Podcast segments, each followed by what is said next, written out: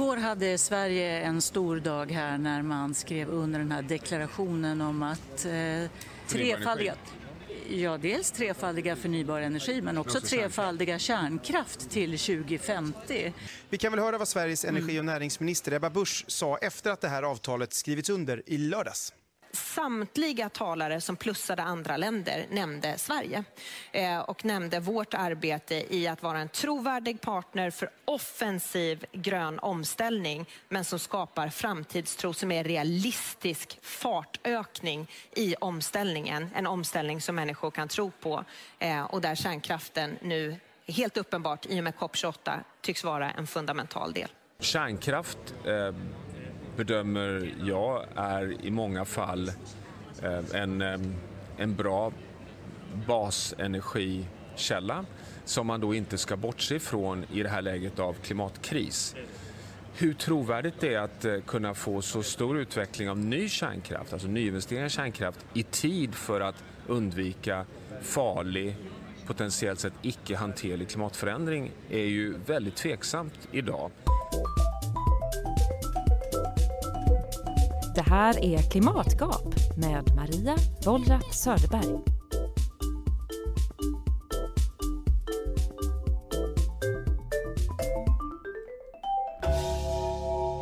Välkommen till Klimatgap, Thomas Kåberger. Tack så mycket.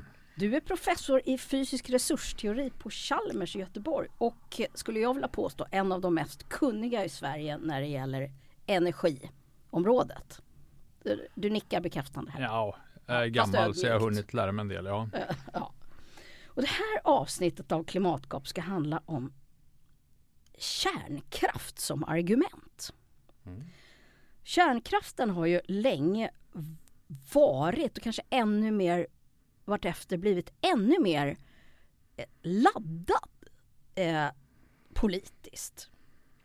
Och man kan ju se om man tittar på debatten att eh, kär, o, kärnkraft och olika perspektiv på kärnkraft används nästan som en sorts slagträ. Och jag tycker att det här är superfascinerande för att eh, bilden av kärnkraften som en lösning på klimatkrisen eller inte är så liksom avgrundsdjupt olika.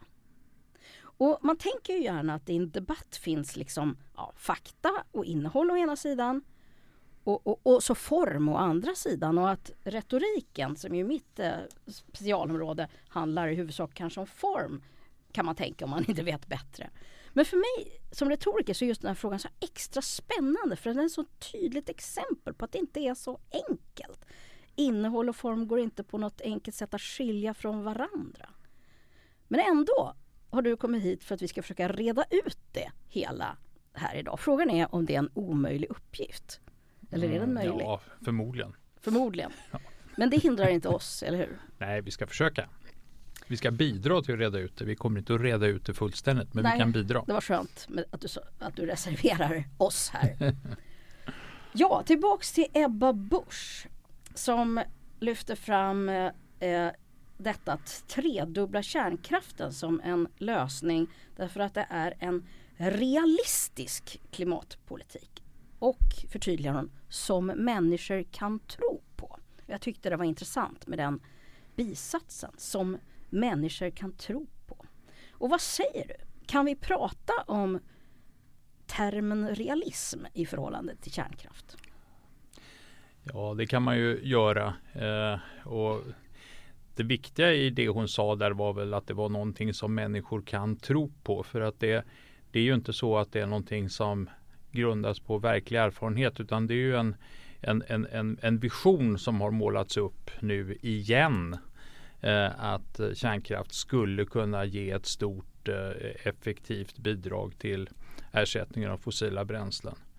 Men det är ju inte många delar av världen där det är en respekterad trovärdig vision.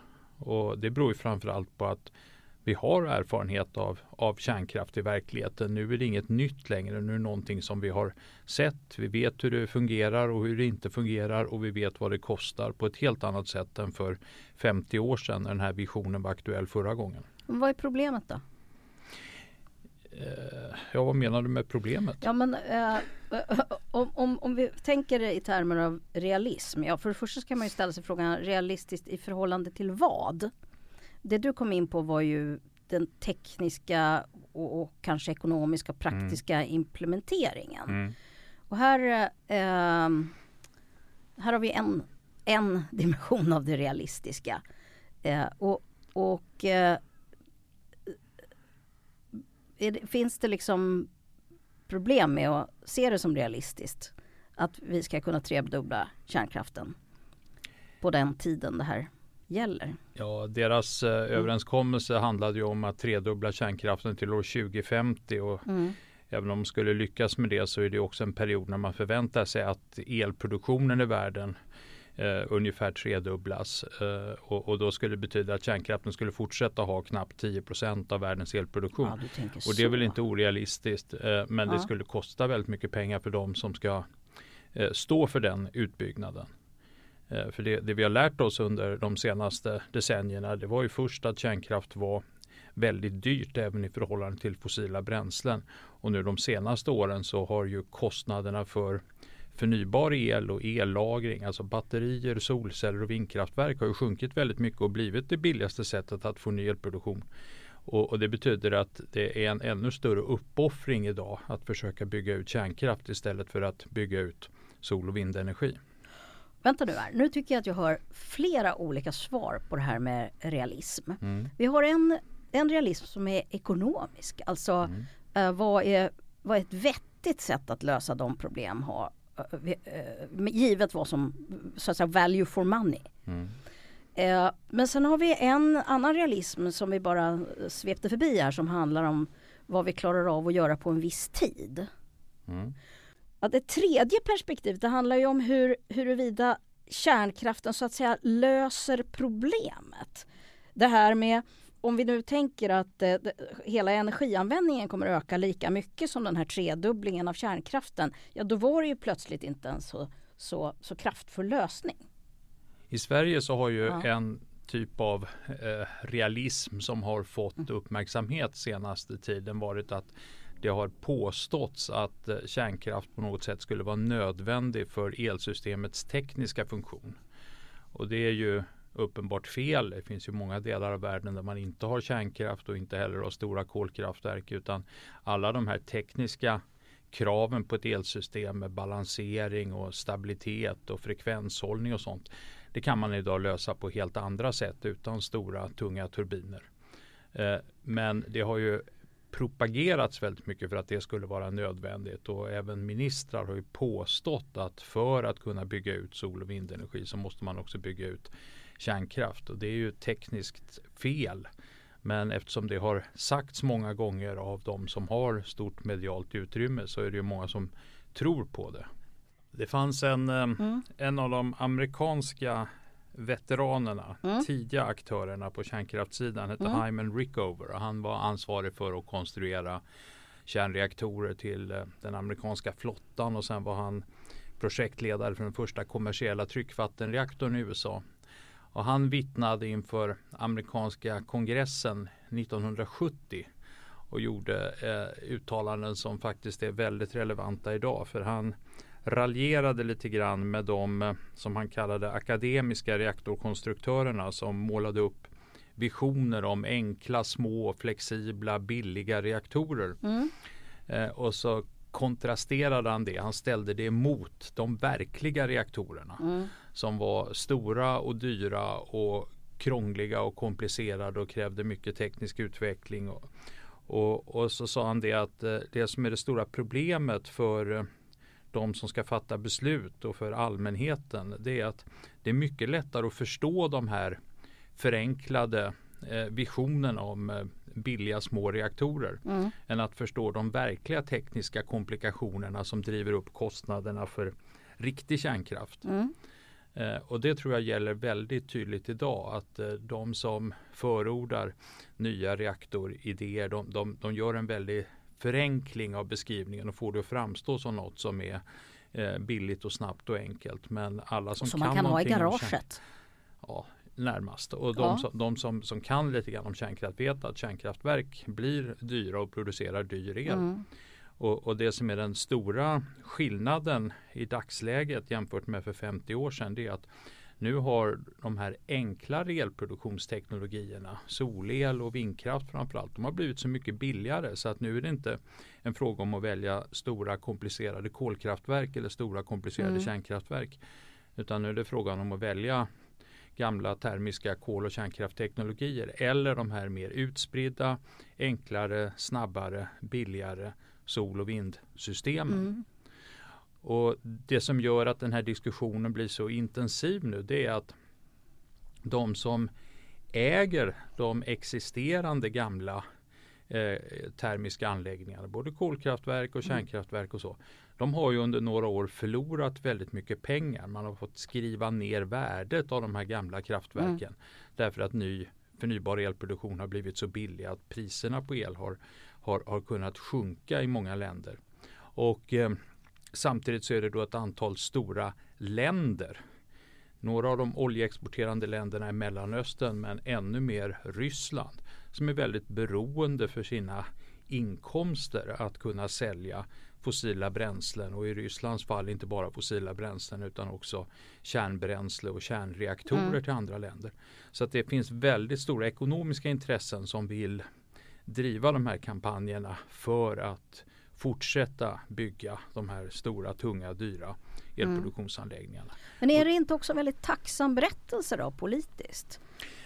Jo, det svenska exemplet visar ju att man kan med en intensiv kampanj eh, få det till att, att, eh, eh att, att kärnkraft skulle kunna lösa problem som andra elproduktionsteknologier inte kan lösa.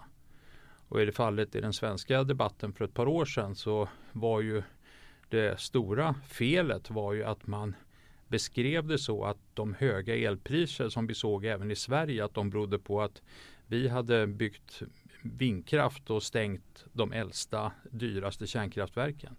Medan i själva verket så hade ju Sverige Europas lägsta elpris. Vi var den största nettoexportören och det faktum att priserna gick upp i Sverige det berodde ju mer på att man på kontinenten hade drabbats av att eh, eh, fransk kärnkraft helt oplanerat hade minskat med drygt 80 terawattimmar samtidigt som det var så torrt och varmt i södra Europa att också vattenkraften minskade med 60 terawattimmar.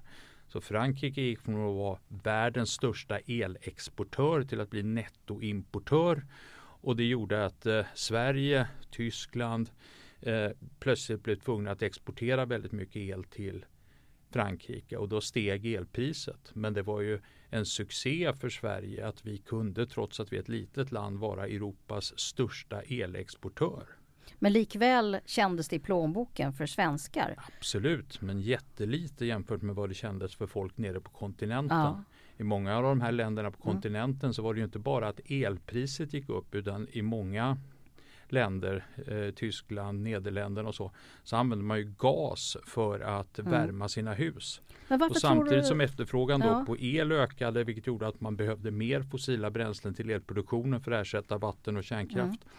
Eh, så hade ju Ryssland invaderat Ukraina så att det här att importera fossila bränslen från Ryssland var inte så populärt. Och det gjorde att gas och kolpriserna steg ju väldigt kraftigt. Ja. Men den här idén, det har ju nästan varit en allmän sanning.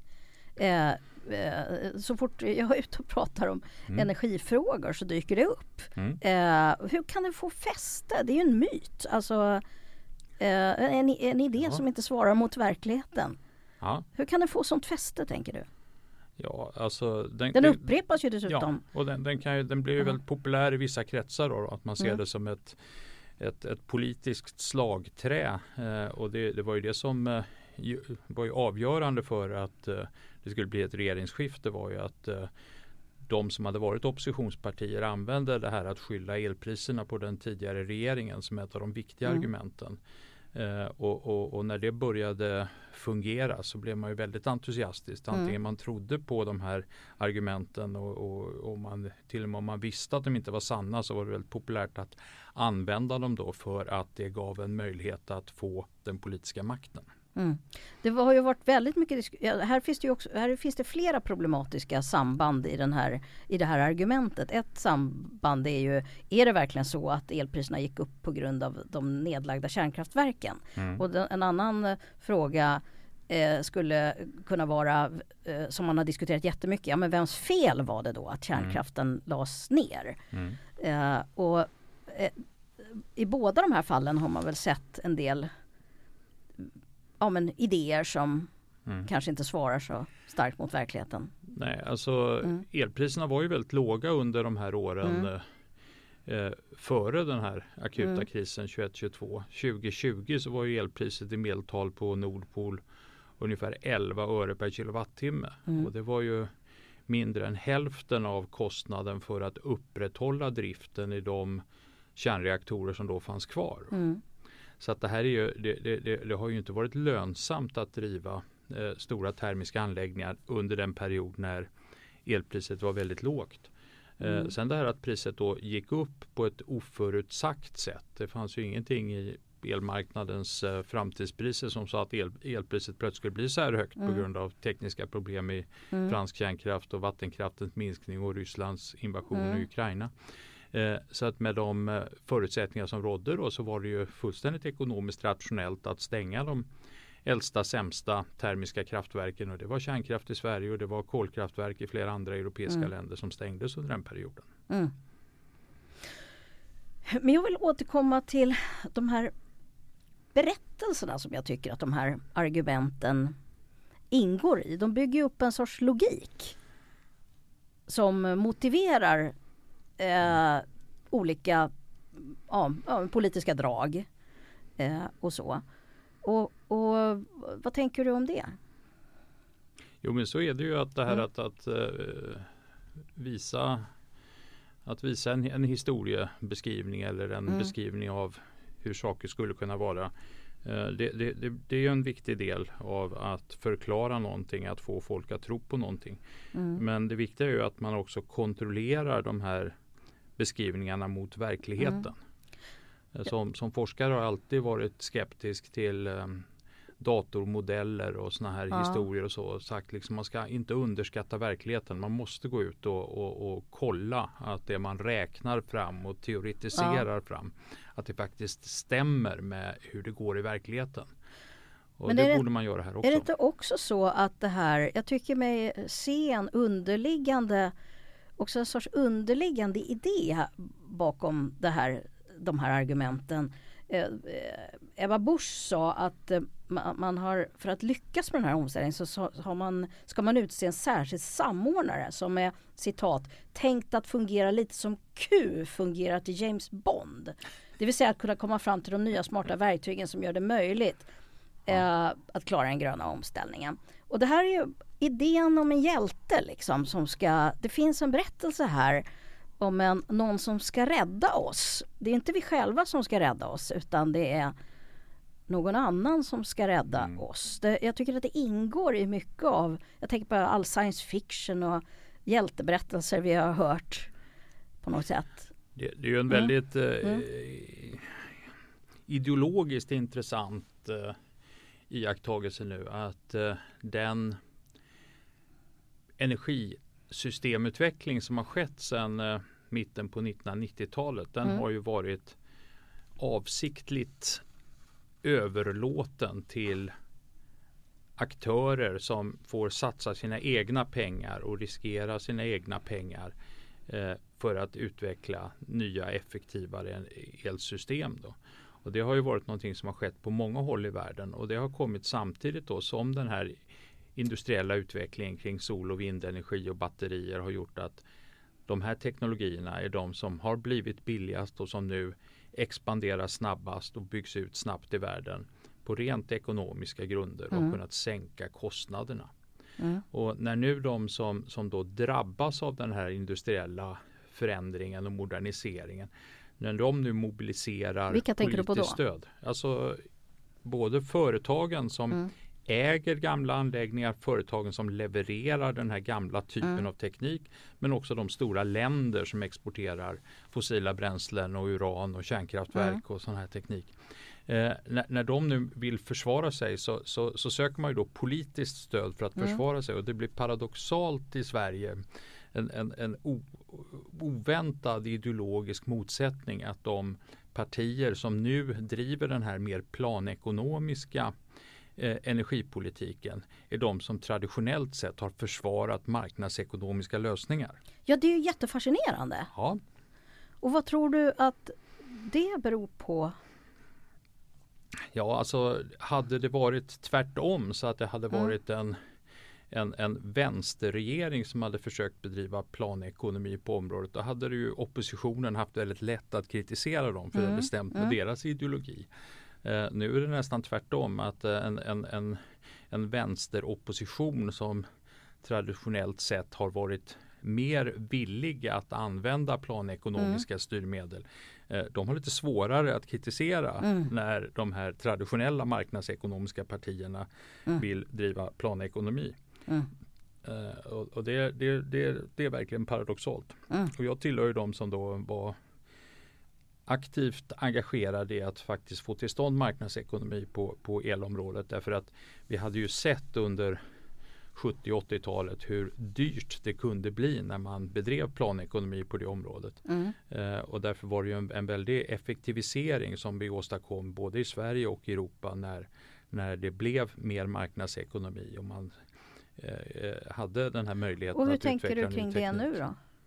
Ja, Jag tänker på precis samma sätt. Jag tycker det skulle vara jättebra om man såg till att fullfölja en marknadsekonomisk styrning och att alla de nya styrmedel som man då ändå, eller regler för elmarknaden som man Ja. har, de ska vara väldigt tydliga och, och i någon mening åtminstone effektneutrala. Jättebra med koldioxidskatter och så för att minska Ja. Men det är ju ändå en sorts koldioxidutsläppen, men- styrmedel. Men, ja just det. Men, Mm. men styrmedel är inget, inget problem i en marknadsekonomi heller. Men när man gör väldigt stora satsningar för en viss teknologi utan att man har eh, ens en, en, eh, eh, ett, ett, en tydlig långsiktig strategi för vad det verkligen kan leda till Mm. som är, som är eh, en, Mm. en fördel och ordentliga utredningar och underlag. Då kan det bli väldigt dyrbart för skattebetalarna.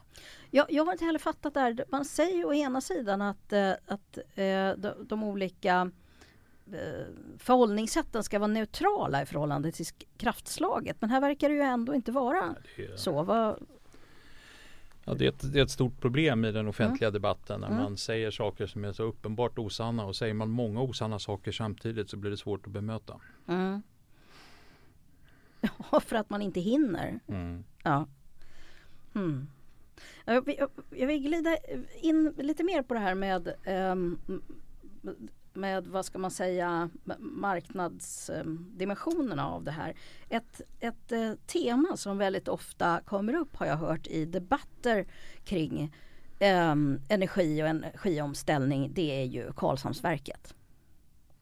Och det är ju ett sånt där reservkraftverk som drivs på Mm. fossila, eh, eh, eh, på, på olja.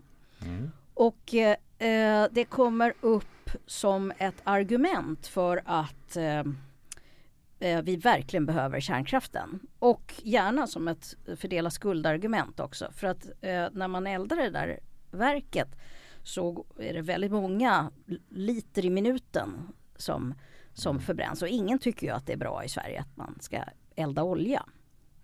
Eh, känner du igen det här? Jag har hört det så Jo, många politiska debatter. Ja, Ja. Ja, och det, det, Mm. Det kan man göra. Sen, sen är det ju också en, en, Mm. eh, en lite konstig historieskrivning Mm. i den här diskussionen. Om vi går tillbaka eh, i början på de första tio åren Mm. på 2000-talet. Då var det faktiskt så att Sverige var nettoimportör av el det Mm. första decenniet på 2000-talet. Eh, och, och, och den el vi då importerade det var ju från länder med mycket fossil elproduktion. Mm. Eh, 2003 så var Sverige nettoimportör nästan alla timmar hela året. Ja. Nästan 8000 timmar på året. Mm. Och sen har Sverige gått till att bli en stor nettoexportör av el. Mm. Och, och det har gjort att det är inte bara det att vi har ett i, i stort sett väldigt nära helt fossilfritt elproduktionssystem i Sverige. Mm. Det är också så att den el vi exporterar kan då konkurrera ut fossileldade elproduktionsanläggningar i andra länder. Mm. Sen har vi behållit eh, Karlshamnsverket trots att det inte är något företagsekonomiskt Mm. lönsamt projekt att behålla utan man har fått behålla det därför att det behövs kapacitet att snabbt öka elproduktionen i södra Sverige om det händer någonting i stil med att eh, Oskarshamn 3, stora reaktorn, Mm. snabbstoppar eller någon kraftledning pla- plötsligt faller bort och så. Eh, så det, det är liksom den del av Karlshamnsverket som, som är eh, sån där Eh, nödlösning när någonting annat går sönder. Det skulle man kunna ersätta i betydande grad med, med batterier till exempel och, och, och, och lite andra flexibla eh, flexibel konsumtion och så. Sen var det faktiskt så under det här extremåret 2022 att Karlshamnsverket ibland drevs eh, därför att det var väldigt dyr gas på kontinenten och väldigt dyr kol och att den här oljan som man kunde elda där faktiskt var lite billigare. Så man tjänade pengar på att elda Karlshamnsverket och exportera den elen till grannländerna. Och om jag förstod det rätt så var det inte en enda timme som det drevs där vi hade eh, netto. Det, det, har mina källor på KTH kollat. Ja. Då vi hade faktiskt underskott på el i Sverige. Utan det, ja, det var i alla fall väldigt, väldigt få. Ja. Jag, jag vågar inte garantera att det inte var någon, men det var Nej. väldigt få. Och eh, är det inte så att eh, både Karlshamnsverket och, och Oskarshamnsverken och delvis Ringhals ägs av Uniper? Samma bolag. Mm, ja. Eh, det är ju intressant att, eh, eh, att då köra oljeeldning och samtidigt peka på nedläggning av kärnkraft. Är det inte att plantera ett samband då som inte finns? Eller är jag konspirationsteoretiskt ja, lagd här nu? Ja, Ja, men det, det, ja. det, det, är lite, det är lite krångliga samband. Jag tycker inte man ska, ja. det, allt behöver man inte raljera med det. Nej, då raljerar vi inte vi, över vi det. får akta oss ja. nu också därför att ja. ett av våra problem i samhället nu är att det är så lite dialog. Och, eh, eh, det här med poddar av den här typen är faktiskt en del av problemet också därför att eh, de som pratar i de här poddarna blir sällan motsagda. Nej. Om vi så skulle säga emot oss själva. För att, ja. eh, både, jag känner ju när jag pratar med dig eh, att, att du har funderat kritiskt över kärnkraftsdebatten. Det var ju därför jag... Mm. Och jag är ju intresserad av att titta på argument. Mm. Och jag ser ju att det här är, är, argument där det händer mycket märkliga saker. Mm. Eh, men om vi skulle haft en tredje röst här med. Mm. Som, som uh, muckade lite med oss. Mm. Vad skulle de säga då? Man kan ju titta på de argument som har varit uppe mm. och då har det varit argument som har handlat om det här med systemstabiliteten. Mm. Och systemstabilitet och balansering det, det, det, finns ju i olika tidsskalor. Dels är frågan om att mm. med väldigt kort varsel kunna reglera elproduktion eller konsumtion så att man håller frekvensen stabil och stämning, spänningen stabil i elnätet. Och där har de här stora tunga generatorerna traditionellt sett haft en viktig roll.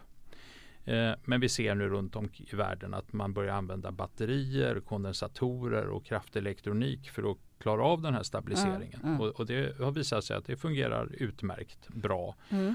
Och eh, man talar om att det är så mycket energi i de här stora tunga mm. roterande generatorerna.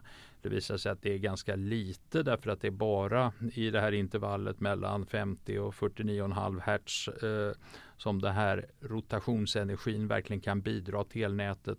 Och den energin i hela det nordiska systemet den är ungefär som energiinnehållet i batterierna på de elbilar som såldes på ett dygn under december förra året. Ja, Thomas, Thomas, du tappar mig här. Nu, ja. nu, nu, nu blev det för tekniskt. Ja, kan, men, för, ta, ta ett litet omtag. ett omtag. Vad, vad är huvudpoängen här i det du vill säga? Mm? Huvudpoängen är att mm. man är inte beroende av stora tunga synkrongeneratorer för att hålla stabiliteten på frekvens och spänning i nätet. Fast vi fortsätter man, tro att vi är det. Ja, det beror på vilka vi är. Vi är ja. inte alla som tror det och väldigt Nej. många av de som arbetar med den här typen av teknik ja. professionellt på de stora elbolagen och på teknikleverantörer som ABB och Hitachi Energy och andra. Ja. De, de, vet ju att det här går att lösa på andra sätt. Eh, så att eh, eh vi tror betyder många har blivit eh, att säga, hört det många gånger och tror på det men, men ja. vet inte egentligen. Nej. Eh, och sen när det gäller flexibiliteten på lite längre tidsskalor då, då, är ju hela den här nya industriella satsningen på att använda billig sol och vindel för att mm. ersätta mm. fossila bränslen. De som jobbar med det de förstår ju att eh, elproduktionen från sol och vindel varierar i tiden och därför mm. när man bygger upp industri industrier som Hybrid och så, så mm. tänker man sig att man ska kunna producera vätgas när det blåser mycket och elen mm. är billig. Mm. Och när det inte blåser och vinden är dyr då låter man bli att producera vätgas och använder vätgas från ett mm. vätgaslager. Eh, och, och, det räknar man på i detalj och man vet, vet väldigt väl hur vindkraftproduktionen varierar. Och sen i den offentliga debatten så påstås det att, att, att det här inte funkar och att eh, en del politiker som talar tycks på allvar tro att eh, industrins företrädare som jobbar med det här professionellt är, är, är så korkade och, och, oupplysta att de inte förstår sådana här variationer. Men det stämmer ju inte. Men du, är det inte så att, eh, att, att vi hemfaller åt så att säga eh, bondlogik eller vardags... Mm. Det är faktiskt att undervärdera bönder höll jag på att säga. Mm. Men eh, basic Svensson-logik är ju så här, ja men det fattar man ju att vindkraften funkar ju bara när det, när det, när det blåser och, mm. och, och, och, sol, solenergi det vet vi ju i Sverige är det ju som mulet jämt. Och, och så tänker vi utifrån det. Mm. Ja, mulet jämt är väl inget ja. som egentligen tror mig heller men alltså att, ja. att eh, det, det, det är svårt att leva på solel i norra Sverige eh, norr om polcirkeln mm. när det är som mörkast på vintern mm. och det är, eh, det är svårt att få vindkraft när det inte blåser. Men mm. eh, samtidigt så vet ju alla att det blåser lite grann nästan jämt och mm. även nu när det är en extrem period mm. så har vi ju några hundra megawatt eh, eh vindkraft även om det är väldigt lite vind eh, just idag när vi spelar in det här. Eh, men, men, men precis, det blir överförenklingar och, och det som jag tycker är mest frustrerande det är ju att man i den här överförenklingen tycks tro att de som jobbar professionellt de forskare som hållit på med scenarier och studier över hur ett framtida elsystem ska fungera att de inte har tänkt på de här enkla sakerna. Men det är precis det de har jobbat med. Vi har mm. hållit på med det här i, i forskning och systemutveckling mm. i 20 år när vi har sett hur sol och vind har blivit billigare och att mm. det kommer att bli dominerande. Och industrins eh, strateger som håller på att mm. utveckla de här affärsmodellerna mm. de är jättemedvetna om det. Det, mm. det, är liksom ingen, det är ingen nyhet utan det blir en kategori som inte, inte är insatt i utvecklingen som plötsligt börjar tro att de vet bättre än alla i branschen och det är lite förvånande. Mm. Ja, särskilt om de har makt över det då. Ja. Men du nämnde den här polariseringen som ju börjar bli och har varit länge väldigt infekterad. Mm. Hur skulle man liksom kunna motverka den då? Komma över den här, vad ska man säga, kunskapsklyftan? Ja, alltså eh, återigen så nu när vi sitter och pratar oemotsagda mm. så, så är mm. vi en del av det problemet och det man borde göra det är att ha mer eh, civiliserade eh, diskussioner mellan människor som är kunniga och har olika mm. uppfattning. Mm. Eh, jag tror ju att den här pandemiepisoden var oerhört destruktiv för det offentliga samtalet. Mm. Därför att under de åren så kommunicerades det väldigt mycket via eh, så kallade sociala medier. Mm. Och de är till sitt format sånt att man kan inte föra ett, ett civiliserat konstruktivt samtal. Mm. Eh, jag, jag, efter det har jag varit på diskussioner med eh, människor som, som, som verkligen då har trott att eh, att vindkraften inte kan fungera av olika anledningar och mm. som har haft en väldigt stark tro på, på kärnkraften. Och bara man får möjlighet att diskutera med dem och lyssna på deras argument, mm. visa att man förstår dem, komma med, med, mm. med de invändningar som finns så kan man få till stånd ett väldigt bra samtal mm. som båda parter kan uppskatta. Mm. Och du har varit med om sådana samtal? Ja absolut och det, det, mm. det är väldigt eh, trevligt när man faktiskt får prata med dem som har mm. helt andra uppfattningar. Mm. Dessutom så även de som på eh, de här så kallade sociala medierna kan uttrycka sig oerhört brutalt och förolämpande och så när man träffar dem öga mot öga så, så, så, så, blir det ju ett bättre samtal. För mm. Man är inte riktigt mm. lika oförskämd mm. eh, i verkligheten som man kan vara bakom en, ett mm. tangentbord. Mm. Så vad skulle vi kunna göra för att få till stånd sådana samtal lite mer då? Ja, arrangera fler sådana samtal och mm. i den politiska sfären borde man ju också se till att man hade eh, den goda svenska traditionen att man hade riktiga utredningar med företrädare för olika ståndpunkter vars argument fick brytas mot varandra. Mm. För nu är det ju ett problem att det inte bara är en fråga om att man i den partipolitiska retoriken blir väldigt enkelspårig mm. och inte mm. tar en dialog. Det är också så att det svenska, den svenska traditionen av, av utredningar och remissbehandling mm. är på väg att köras över. Mm. Eh, vilket eh, verkligen är destruktivt för kvaliteten i besluten. Mm. Alltså, oavsett ideologisk inriktning så har det under hundra framgångsrika år i Sverige funnits en, en stor respekt för kunskap och behovet av ett eh, mm. allsidigt och eh, granskat beslutsunderlag. Mm. Eh, det finns ju faktiskt till och med beskrivet i regeringsformen, sjunde mm. paragrafen tror jag det är. Eh, men nu har vi börjat eh, få en tradition som dagens opposition också lite grann har medverkat i när man i regeringsförhandlingarna gör överenskommelser där man föreskriver vad man sen mm. ska besluta om utan att ha något som helst underlag.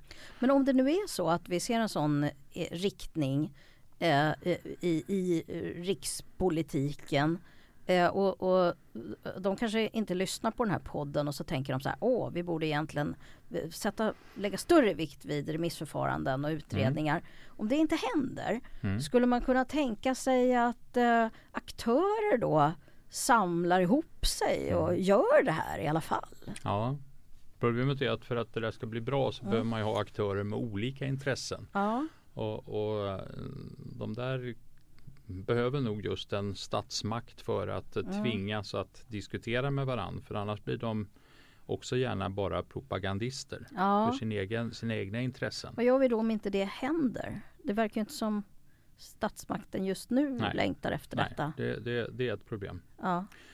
Man skulle kunna tänka sig att ett ambitiöst eh, oppositionsparti började ägna sig åt den typen av mer ja. vetenskapligt producerat eh, underlag för sina ställningstaganden mm. och därmed utmärkte sig som eh, eh mer upplyst och mm. samhällsfrämjande än, än de politiker som, som driver sina teser utan att lyssna på motargumenten. Mm. Ja, det här tål att begrunda. Mm. Ja. Men om inte heller det händer? Ja, då kommer det att drabba vårt, vår ekonomi. Mm. För att eh, Sverige befinner sig ju en, i en väldigt eh, fördelaktig situation och det finns ju de som menar att den här politiska kampanjen som har drivits i Sverige den, den har drivits av eh, eh, intressen som, som verkligen vill hindra industriella framsteg i Sverige just för att fördröja den globala utvecklingen.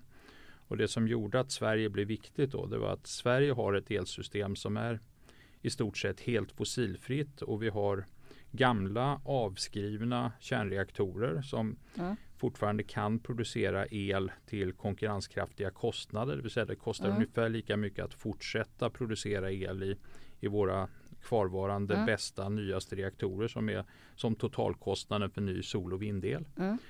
Och då kan vi bygga ut sol och vindelproduktionen i Sverige och istället för att behöva använda det för att ersätta fossil elproduktion i elsystemet så kan vi börja använda den här nya förnybara elen för att ersätta fossila bränslen i transportsektorn och industrin. Mm. Mm. Och det här var ju industrins, eh, den svenska industrins stora hopp här att vi mm. snabbt skulle kunna bli det land i världen som ersatte fossila bränslen först i stålindustrin och sen för att tillverka drivmedel för långväga flyg och sjöfart. Mm. Och sen för att ersätta fossila bränslen i, i annan drivmedels och kemiindustri. Mm.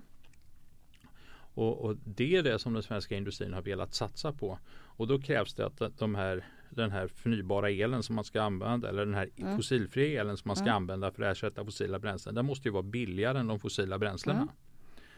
Och, och det, det, är ju då eh, vindkraften i Sverige och, och de existerande mm. kärnreaktorerna och till och med de bästa solelanläggningarna idag. De kostar mm. någonstans mellan 20 och 45 öre per kilowattimme. Mm. Medan råoljans energipris på mm. världsmarknaden ligger på mellan 50 och 60 mm. öre per kilowattimme. Mm. Eller till och med lite mer. Mm. Och, och, och, det betyder att vi, vi, vi, kan faktiskt med lönsamhet klara av den här ersättningen. Men det låter som det ska komma ett men. Här. Ja, men, men, men det förutsätter ju då att man får bygga ut. Och här har vi då det får som bygga ut vad? Vindkraften, vindkraften framförallt ja. och sol. Mm. Och, och, och, nu kommer vi till det som är det verkliga problemet i Sverige. Det är ju inte att regeringen eh, nu vill satsa en massa pengar på att bygga ny dyr kärnkraft. Utan det som är det allvarliga problemet för Mm. svensk ekonomi och industri. Mm. Det är att förevändningen att man ska någon gång kunna bygga kärnkraft Mm. har använts som argument för att stoppa utbyggnaden av vindkraft i Sverige. Och det Okej. betyder att eh, den industri som hade planerat för stora investeringar i Sverige istället ser sig om efter investeringar i andra delar av Europa i första hand. Mm. Och det kan mycket väl hända nu att den fossilfria stålproduktionen blir först verklighet i Finland. Mm. Finland har de senaste åren byggt mer vindkraft per invånare Mm. än vad Sverige har gjort och, och, och är på väg att, Mm. att eh, fortsätta i den riktningen och kommer då kunna använda den elen för, för industriella ändamål. Och det finns också möjligheter att bygga billig sol och vindel på Iberiska halvön, alltså Mm. Spanien och Portugal. Och då ser vi de här svenska företagen som H2 Green Steel som också har projekt på gång just nere i södra Europa där Mm. också finns billig förnybar el. Okej, det här ser ju jag rätt mycket av att, eh, överhuvudtaget i debatten att man dikotomiserar som det heter på retoriska. Alltså att man ställer någonting mot någonting annat Mm. som inte skulle behöva vara en Mm. motsättning. Mm. Eh, och det landar ganska ofta i att man fastnar. Mm. Det skapar liksom Mm. eh, trögheter i omställningen. En annan sån tröghet som jag ser just när det gäller kärnkraftsdebatten det är ju att det inte bara används som argument för att stoppa utbyggnaden av vindkraft utan som argument för att vi inte behöver göra beteendeförändringar. Eller kanske någonting som skymmer något annat som vi skulle kunna Mm. jobba väldigt hårt med, nämligen energieffektivisering. Mm. Ja. Är det något du kan spåna kring också? Alltså energieffektivisering tillhör mina Mm. gamla favoritområden Mm. och där finns ju också väldigt mycket ekonomiska vinster Mm. eh, att göra för de som kan och förstår möjligheterna. Och en del tror ju att de ekonomiskt lönsamma möjligheterna att de har minskat med tiden därför att man har gjort saker. Men i själva verket så är det mer troligt att den ekonomiskt lönsamma energieffektiviseringspotentialen har ökat därför att teknikutvecklingen när Mm. det gäller energieffektiv uppvärmning, energieffektiv belysning och så vidare Mm. den har utvecklats snabbare än vi har förmått att förverkliga de Mm. möjligheter som Mm. har funnits. Eh, så här finns jättemycket att, att göra och det är ju ingenting som kräver sämre levnadsstandard eller eh, radikalt ändrade beteenden. Det är ju Mm. snarast tvärtom att man ofta får bättre levnadsstandard. Mm. Ett väl isolerat hus har mindre kalldrag, det är mindre bullerstörning om man har energieffektiva fönster. Mm. Belysningen är ofta inte Men bara varför är det så frånvarande för, från debatten då? därför att det är också lite komplicerat. För det finns inte en enda sak man gör. Är det sexigare Det att bygga många. ut, eh, att bygga kärnkraftverken? Absolut. Ja. Varför är det så då? Varför är det inte inne och hushålla och, och, och vara resilient eller? Ja, det, är Ja. nog, det är nog ganska inne bland människor, företag och hushåll. Ja, Men det är och inte, minst.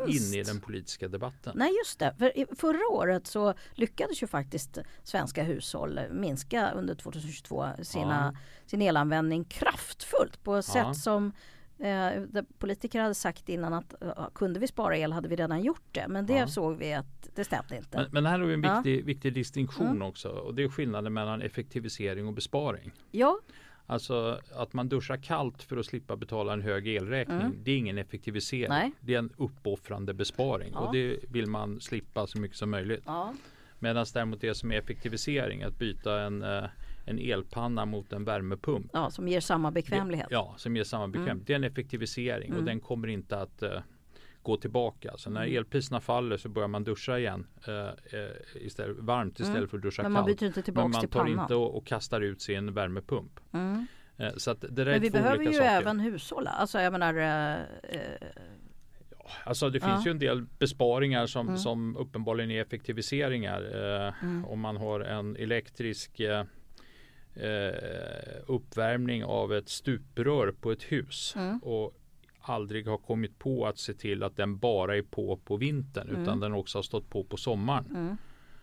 Så är det uppenbart inte klokt. Nej. Men det förekommer ganska ofta. Mm.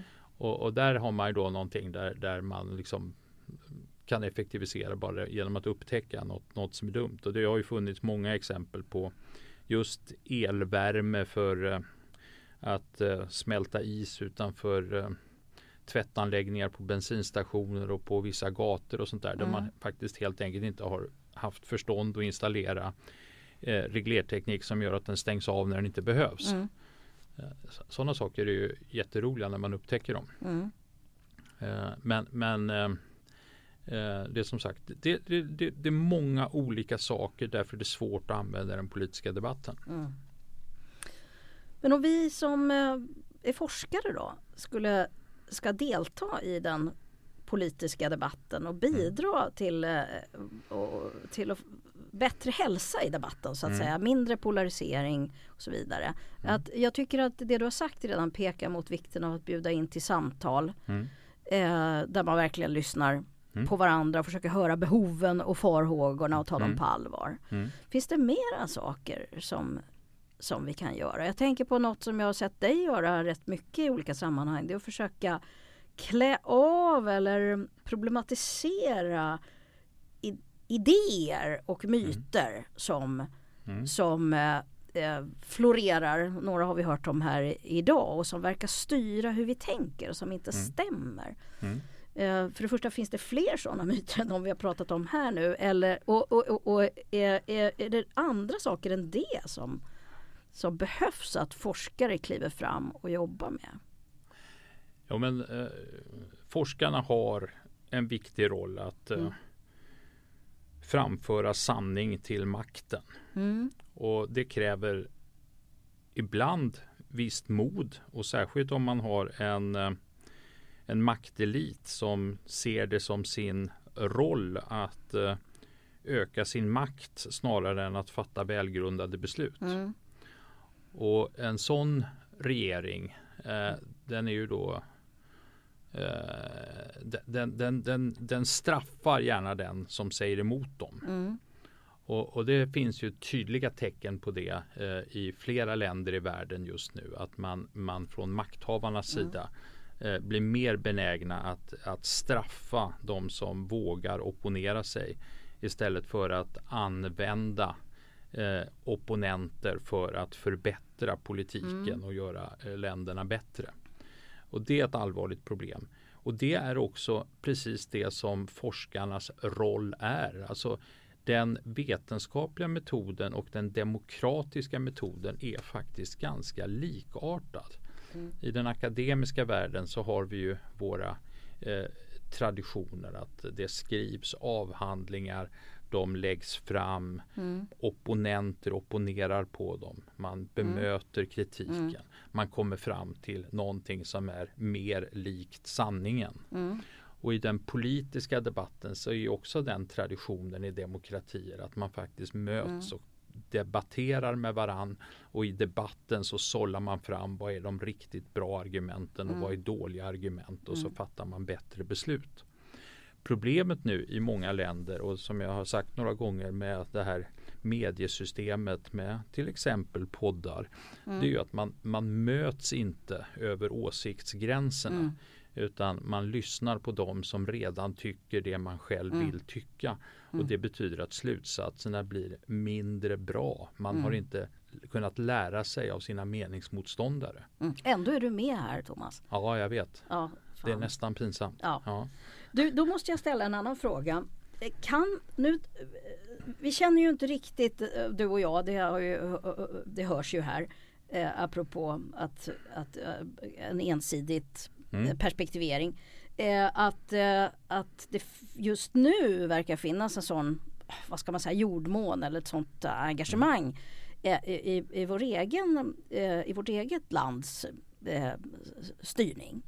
Men jag tänker på nu efter koppen i eh, eh, som man ju hade låga tankar om COP 28. Mm. Eh, Eh, eller jag hade mycket låga förväntningar. Mm. Och, och visserligen så är det man landade i eh, alldeles för klent säger alla mina mm. kollegor som vet bättre. Mm. Eh, men det, var, det blev ändå någonting. Och en mm. sak som finns här det är ju faktiskt en betoning ja, både då av kärnkraft som skulle utvecklas men också faktiskt av energi, äh, av, an, äh, av fossilfri eh, eh, och förnyelsebar energi. Där ställs inte det ena mot det andra. Och dessutom lyfter man energieffektivisering ganska kraftfullt. Och, och kan vi då istället, om vi, om vi nu inte får till stånd det här eh, dialogen mellan forskning och politik på vår nationella nivå, kan vi liksom jobba mer på EU och den internationella nivån? Jo, där, det, det är också alltså, de här diplomatiska processerna och internationella förhandlingsprocesserna är ju också en del av den här eh, i grunden vetenskapliga upplysningen och demokratiska traditionen. Eh, och, och ehm, precis som du säger, eh, den här förhandlingen som ägde rum i, i, i Dubai nu, det, den ledde ju inte till ett resultat som kommer att nå den utsläppsminskning som krävs för att man ska undvika risken för ohanterliga klimatförändringar. Men det var ändå, precis som du säger, ett steg framåt. Man kom överens om att man ska eh, ta steg bort från fossila bränslen. Man ska tredubbla den förnybara elproduktionen till 2030 och dubbla takten i energieffektiviseringen. Och så har man med också att kärnkraft kan vara ett alternativ på längre sikt och så. Eh, jag tror att många av de här sakerna man har satt upp kommer att vara väldigt lätta att uppfylla. Till exempel det här med tredubblingen av den förnybara energin till 2030. Kommer hända Tittar av man på själv. trenderna då, så händer det av sig själv av rent ekonomiska Är det skäl. rent av en alldeles för modest föreställning? Det kan man tycka. Mm. Men det är ändå, det är ändå, Mm. det är ändå någonting då som, som alla länder kunde ställa sig Mm. bakom. Mm. Eh, tittar man på internationella energimyndigheten Mm. i Paris och deras prognoser för vad som håller på att hända redan nu så Mm. beskriver man där att vi redan nu så in, i, investeras eh, storleksordningen en miljard dollar per dygn i, i solenergi. Mm. Förnybar energi kommer gå om kol eh, nästa år. Eh, solelproduktionskapaciteten växer så snabbt att vi om ett eller två år kommer kunna producera lika mycket solceller varje år som det totalt fanns i världen för ett år sedan. Herregud. Så att det är en väldigt snabb, snabb tillväxt och batteriinstallationerna går också väldigt snabbt och både sol och, Mm. och, och batterier är nu billigare än någonsin. För att återknyta då till eh, inledningen av det här avsnittet. Mm. Håller du med då Johan Rockström som, som bedömer kärnkraft som en i många fall bra energi, basenergikälla som man inte kan bortse från. Men att Mm. det inte går att satsa allt på den hästen och att problemet är om man letar efter en silver bullet och har Ja. det här som en illusion om en snabb lösning. Absolut. Och, Mm. och, och alltså, eh, jag, jag tycker man ska vara ekonomisk och tittar Mm. man på ekonomin så ser man att, eh, att driften av dagens kärnreaktorer kan konkurrera med de Mm. villkor som gäller. Eh, men det är väldigt svårt att rättfärdiga nya kärnkraftverk eftersom all erfarenhet vi har i Mm. världen säger att de kostar två, tre, fyra gånger så mycket som, som sol och vindel per Mm. levererad enhet el och eh, då har man råd med väldigt mycket andra Mm. åtgärder för att hantera all balansering som behövs i olika tidsskalor. Mm. Eh, så det är inte svårt. Sen, sen om, man, om man vill vara kritisk mot kärnkraften så kan man ju ta upp det faktum att eh, man är befriad från det ekonomiska ansvaret för stora reaktorolyckor och det har vi sett Mm. i Japan och eh, Ryssland att, eller Ukraina då att det kan ställa till oerhörda Är det skador. skillnad mot vindkraft? Och, Ja, det är skillnad mot vindkraft Ja. och dessutom väldigt stora potentiella kostnader. Mm. Och sen man har man ju även i Sverige nu eh, förstatligat eh, de långsiktiga riskerna med kärnavfallshanteringen. Mm. Och det kom ju till efter att man upptäckte Okej, så att det är delar av Så det ekonomin såna- som inte syns Ja. så att säga. Det finns dessutom. Men du Men det är Thomas, fossilfritt. jag är otroligt glad över att du kom hit och nu känner jag mig rustad inför helgens installation av den lilla modulära kärnreaktorn jag har beställt på Wish som jag ska hämta nu på på Postnords utlämningsställe. Jag funderar på var jag ska ställa den men jag tänker att jag kanske ska ställa den i en liten en liten eh, garderob vi har för att om det då skulle bli en liten olycka kan man bara stänga dörren. Så tänker Det jag. var väl ungefär så de skrev i Grönköpings Veckoblad. Ja. Tack för att du kom. Tack ska du ha. Du har hört Klimatgap med Maria Wollratz Söderberg. Tekniker Florence Agostini.